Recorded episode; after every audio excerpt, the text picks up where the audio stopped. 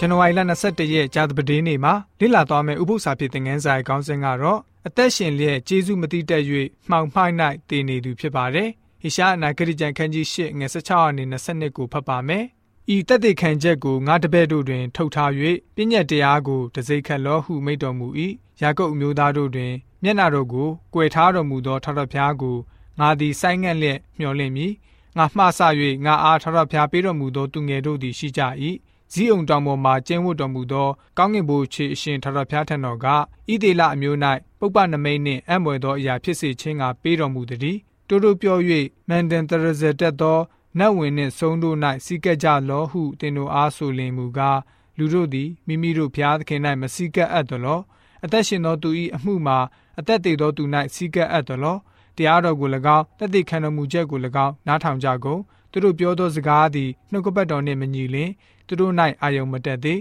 ပင်မချင်းနှင့်မုတ်သိပ်ချင်းကိုခံလျက်လွန်သွားရကြလိမ့်မည်မုတ်သိပ်သောအခါလဲကိုကိုကိုနှောက်ယှက်၍မိမိတို့ဖျားရှင်နှင့်မိမိတို့ဖျားသခင်ကိုကြိမ်ဆဲကြလိမ့်မည်အထက်သို့မျောသည်ဖြစ်စေကောင်းကင်ကိုကြည့်သည်ဖြစ်စေဒုက္ခဆင်းရဲနှင့်မှောင်မိုက်အတိရှိပါ၏ထူထက်သောမှောင်မိုက်နှင့်တွေ့၍အလင်းကွယ်ပြောက်ရာသို့နှင်ထုတ်ခြင်းကိုခံရကြလိမ့်မည်ဆိုပြီးတော့ဖော်ပြထားပါတယ် အခက်မင်းဟာတပါးမျိုးသားတွေရဲ့ဘာသာရေးမှာပါဝင်မှုအလွန်နဲ့ဆိုင်ပါတယ်။ဂိုင်းများစွာနဲ့ပတ်သက်မှုရှိနေပါတယ်။နတ်တွေကိုပူဇော်ပတ်တာတယ်။အရှေ့ပိုင်းတိုင်းနိုင်ငံတွေမှာစုံကဝေစတဲ့ဂိုင်းအတက်တွေအလွန်ခေတ်စားခဲ့ပါတယ်။အဲ့ဒီထုံတန်းဒလေးတွေရှိခဲ့တဲ့အကြောင်းကိုတမန်ကျမ်းစာအပြင်အခြားရှေးစာပေစာအုပ်တွေမှာလည်းပဲတွေ့ရှိရပါတယ်။ ယနေ့ခေတ်အထိပါပဲအဲ့ဒီပညာရဲ့ကိုသင်ယူလိုက်စားတဲ့သူတွေဟာရှေးရခင်ကကျင့်စဉ်ဂိုင်းတွေရဲ့ဒလိအတိုင်းပဲပြန်လည်ဆန်းသစ်ကြခြင်းပဲဖြစ်ပါတယ်။ဟေရှာယဟာထထဖျားကိုယုံကြည်ကိုးစားတာထက်နတ်ဝိဇ္ဇာဆုံးကဝေတွေကိုပို့ပြီးတော့အားကိုးကြတဲ့သူတွေရဲ့အကြောင်းကိုရေးသားခဲ့ပါတယ်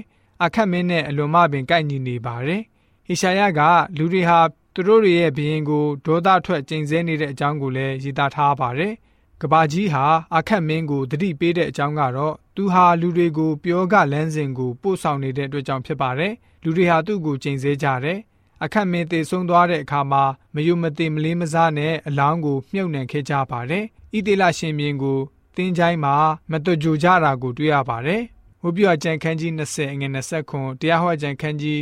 18အငယ်9ကနေ14ကိုဖတ်ပါမယ်ဆုံးကဝေပယောဂနဲ့ပတ်သက်ပြီးတော့ဘယ်လိုမျိုးရေးသားထားလဲဆိုတာကိုကြည့်ကြပါစို့ ယောက်ျားဖြစ်စေမိန်းမဖြစ်စေနတ်ဝင်သောသူဆုံးလုသောသူသည်အသေးသက်ချင်းကိုအမှန်ခံရမည်ထို့သောသူကိုဂဲနှင့်ပြစ်ရကြမည်သူ၌တေထိုက်သောအပြစ်ရှိသည်ဟုမိန့်တော်မူ၏တင်းဖျားသခင်ထာဝရဘုရားပေးတော်မူသောပြည်သို့တင်းသည်ဝင်စားသောအခါထိုပြည်၌နေသောလူမျိုးတို့ပြုတတ်သောဆက်ဆုပ်ယွန်ရှားပွဲအမှုတို့ကိုပြုခြင်းကမတင်ရတင်းတို့တွင်မိမိသားသမီးကိုမိဖြင့်ပူဇော်သောသူဖြစ်လက်တန်သောအမှုကိုကိုညံနှင့်ဟောပြောသောသူကာလဗေဒင်ကိုကြည်သောသူမကောင်းသောအတက်ကိုပြုစုသောသူ ပြူစားတတ်သောသူ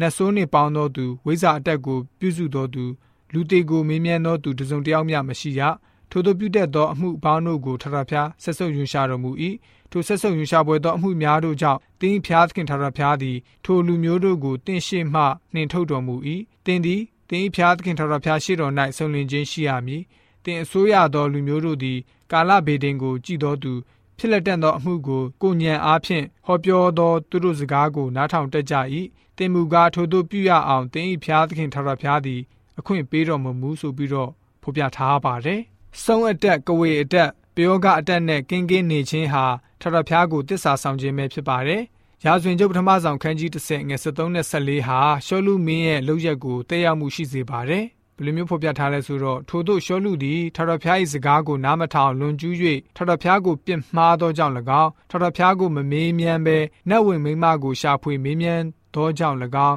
ထထဖျားသည်သူ့ကိုကွပ်မျက်၍နိုင်ငံတော်ကိုယေရှဲသားဒါဝိဒ်လက်၌လွှဲအပ်တော်မူ၏ဆိုပြီးတော့တွေ့ရပါတယ်ကျွန်တော်တို့ရဲ့ပတ်ဝန်းကျင်ကိုလေ့လာကြည့်ပါနတ်ဆုံးကဝေပယောဂတွေရဲ့ဩဇာပြီးတော့ဝิญဉ်ကိုင်းတွေရဲ့ဩဇာလွှမ်းမိုးမှုတွေခံနေရသလားဆိုတာကိုလေ့လာပါ ကျွန်တော်တို့ယဉ်ကျေးသူများအနေနဲ့ဖះရှင်မကြိုက်တဲ့ဆုံးကဝေအတက်ပညာလိုက်စားမှုတွေယုံကြည်မှုတွေကိုလုံးဝရှောင်ရှားပြီးတော့ဖះရှင်ကိုသာလင်အာကိုအသက်ရှင်တဲ့ယုံကြည်သူတွေဖြစ်စေဖို့အတွက်ဇာတပဒင်းနေ့ဥပုသ္စာဖြစ်တဲ့ငန်းစာကဖော်ပြထားပါတယ်။